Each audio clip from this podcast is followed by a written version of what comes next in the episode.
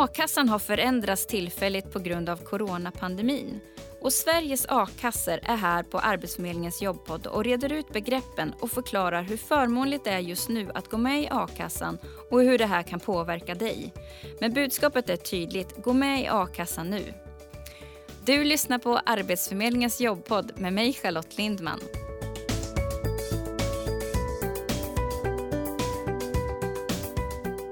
Idag har vi Sveriges a-kassor med oss igen och med anledning av att a-kassan förändrats tillfälligt under 2020. Vad är det som har hänt när det gäller a-kassan, Marianne? Ja, det är ju som så att eh, i och med coronakrisen så har ju regeringen eh, ändrat vissa saker i arbetslöshetsförsäkringen.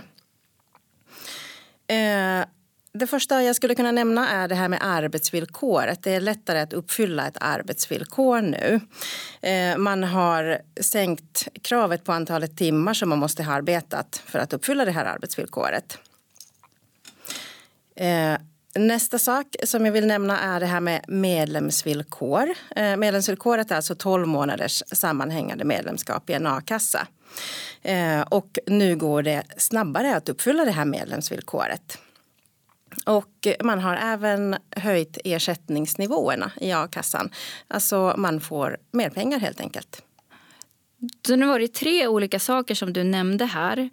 Det handlar ju om att det ska vara lättare att få den här försäkringen igång och att fler mm. då ska kunna få a-kassa. Men att ja. det ska gå snabbare att få igång sin a-kassa. Precis. Och sen så pratar du om också den här nivån.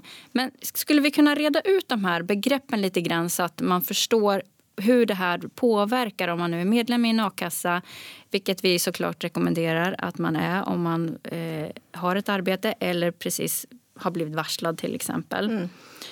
Men det här med arbetsvillkoret, vad är det man ska tänka på då? Vad är det det innebär att det blivit lättare där?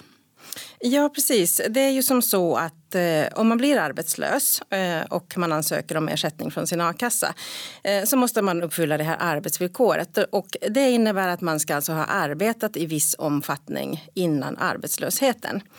Eh, och om vi tittar på den här eh, huvudregeln Eh, som det heter. Alltså man kan uppfylla ett arbetsvillkor på eh, flera olika sätt.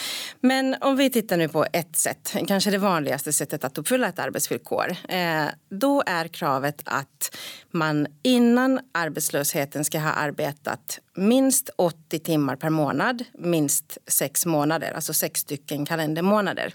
Det var kravet alltså innan. Eh, men nu från och med 13 april i år eh, så har vi alltså nya regler gällande just arbetsvillkoret och kravet är sänkt då från 80 timmar per månad till 60 timmar per månad.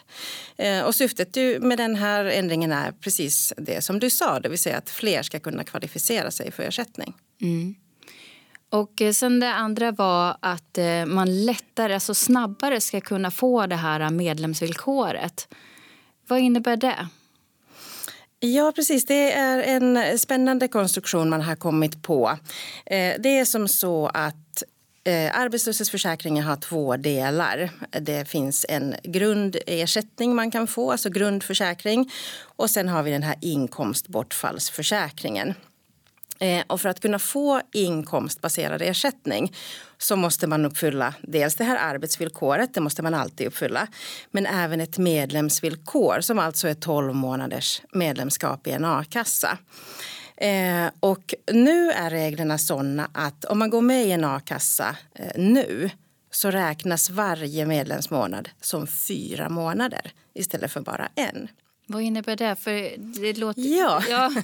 Hur ska man räkna då? Eh, precis, jag kan, ta ett, eh, jag kan hitta på ett exempel. Låt nu säga att eh, man går med i en a-kassa i maj 2020. Då beviljas medlemskapet från första maj. Man blir alltid medlem från första i den månaden. Liksom.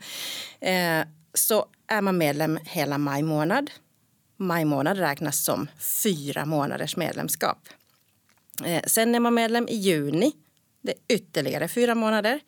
Och juli ytterligare fyra månader.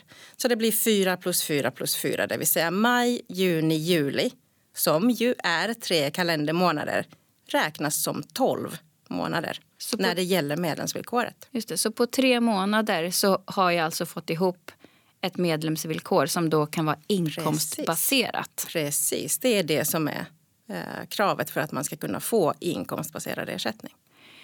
Jag tänker på alla de här nu som eventuellt har blivit varslade kanske permitterade mm. och går och oroade för att man kanske blir uppsagd här framöver. Eh, det kanske är flera som då inte är medlem i en a-kassa. Vad har du att säga till dem? Ja, jag skulle säga att det, det, är alltid en bra idé att vara med i en a-kassa för att en a-kassa är ju en försäkring precis som vilken försäkring som helst. Så om man nu har en arbetsinkomst så är det en bra idé att köpa den här försäkringen, det vill säga gå med i en a-kassa för att försäkra den här arbetsinkomsten om man skulle bli arbetslös. Eh, och varför är det då en extra bra idé att gå med i en a-kassa just nu? Ja, det är precis eh, på grund av de här nya reglerna gällande medlemsvillkoret. Eh, för att de här reglerna är alltså tillfälliga. De gäller så som det är sagt nu, så gäller de i år, alltså från och med nu eller från och med mitten av april eh, och 2020 ut. Så går man med i en a-kassa nu så kan man liksom räkna de här medlemsmånaderna som som fyra månader, alltså mm. en månad som fyra. Så det gäller, som det är beslutat nu så gäller de här fyra, fyra, fyra, fyra Alltså alla månader ända fram till december. Ja, precis. Från och med mars månad i år kan mm. månader räknas på det här sättet. Mm. Så det innebär att eh, är man inte medlem i en a-kassa så ska man gå med så fort som möjligt. Framförallt om man Ja, det ska man väl alltid göra, men mm. är det så att man är osäker på om man kommer bli uppsagd så är det inte kört i alla fall. Nej, det är inte kört. Mm. det är det inte. Mm. Och som jag nämnde här tidigare så, så har ju den här försäkringen två delar. Så man har den här grundförsäkringen eh, så att man kan få ersättning från grundförsäkringen även om man inte uppfyller ett medlemsvillkor. Men som du sa här, om man nu har blivit varslad till exempel om det, eller om det är oroligt liksom på, eh, på arbetsplatsen och framtiden är oviss så är det definitivt en bra idé att gå med nu per omgående. Mm. Det ligger även ett förslag här från regeringen om att man ska höja också taket på ersättningen. Kan du berätta mm. lite om det? Ja, det kan jag göra. Alltså, man har redan höjt. Ersättningsnivåerna är redan eh, Ehm, högre än vad de var eh, innan, innan den här coronapandemin. Då. Eh, så förut var det ju som så att eh, den absolut högsta dagpenningen man kunde få från inkomstbortfallsförsäkringen då var 910 kronor eh, per dag. Och nu är den absolut högsta dagpenningen man kan få 1200 kronor per dag. Eh, och man har även höjt eh, grundbeloppet från 365 till 510. Så de höjningarna gäller redan. Men men det finns ytterligare ett förslag eh, om en, en höjning. Vi får se hur det blir. Eh, jag vill vara jättetydlig med att det är bara ett förslag. Eh, men förslaget är eh, att man från slutet av juni 2020 eh, ska göra ytterligare en, eh, en höjning i, i, i inkomstbaserad ersättning. Det är som så att just nu, som det ser ut idag här i maj, så är det så att den högsta dagpenningen under de 100 första ersättningsdagarna är 1200 kronor per dag och från dag 101 går ersättningen ner, alltså den här taket går ner till 760 kronor per dag. Och det är de här 760 kronorna man eh, tänker att man kanske ska höja då eh, framöver då till 1000 kronor. Mm. Om man, nu behöver, man behöver ju hålla sig uppdaterad förstår man. Det händer ju saker hela tiden, nya ja. beslut tas. Var ska man gå in och läsa så att man vet att man alltid har den rätta informationen? Ja, man kan eh, till exempel läsa på a-kassornas hemsidor. Eh, a-kassorna uppdaterar ju sina hemsidor eh, såklart. Eller så kan man följa regeringens hemsida. Det är också ett tips. Mm.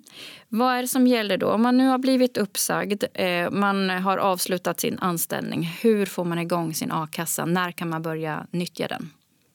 Ja, det absolut viktigaste är att man omedelbart när man blir arbetslös att man går till Arbetsförmedlingen och skriver in sig där och anmäler sig som arbetslös och arbetssökande. Eh, och nästa steg är ju då att man kontaktar sin a-kassa eh, för att ansöka om ersättning från, från a-kassan. Då. Eh, och som sagt, först till Arbetsförmedlingen sen till, till eh, a-kassan. Eh, och i och med den här eh, pandemin nu då, då eh, så som läget ser ut i samhället så, så är det ju så att a-kassorna har jättemycket att göra. Så jag skulle absolut rekommendera att man kontaktar även sin a-kassa så fort som möjligt när man blir arbetslös och, och skickar in sin ansökan om ersättning för att få få liksom, eh, igång sitt ärende. Och för att underlätta så mycket som möjligt för att det ska gå så smidigt för a-kassan att fatta beslut om ersättning. Vad behöver man göra och vad, eh, i vilken ordning behöver man göra för att ni ska kunna underlätta det här så mycket som möjligt att få igång ersättningen? Ja, precis. Det här med att eh, när man går till Arbetsförmedlingen och anmäler sig där det behöver man liksom inte eh, tänka så mycket på själv utan det går en signal automatiskt från Arbetsförmedlingen till a-kassan. Eh, så det sker, sker per automatik.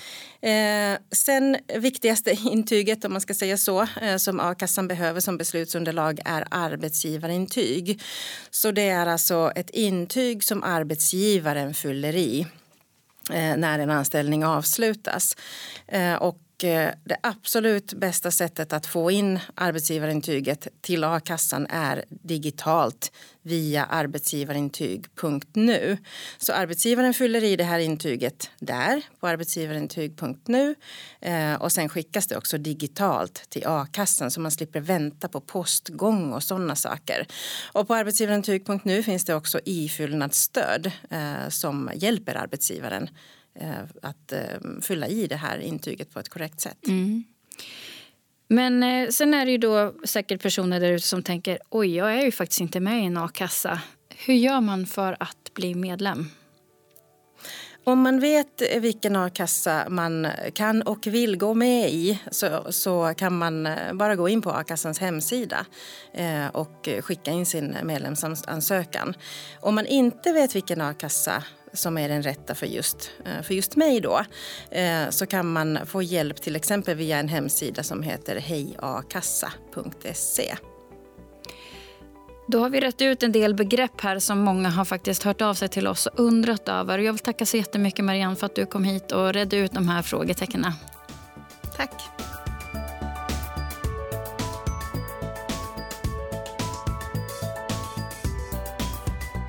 Vill du veta mer om a-kassan så kan du gå in på a-kassornas hemsidor och läsa där. Men du kan också gå in på arbetsförmedlingen.se a-kassa. Du har lyssnat på Arbetsförmedlingens jobbpodd med mig Charlotte Lindman. Dagens gäst Marianne Engman ifrån Sveriges a-kassor. Tekniker var PG Nordström. Det här avsnittet är inspelat under maj 2020. Har du tips och idéer på vad vi ska prata om här i jobbpodden så kan du skriva till podcast arbetsförmedlingen.se. Nästa vecka så är vi tillbaka med en ny spännande gäst och ett nytt ämne. Vi hörs!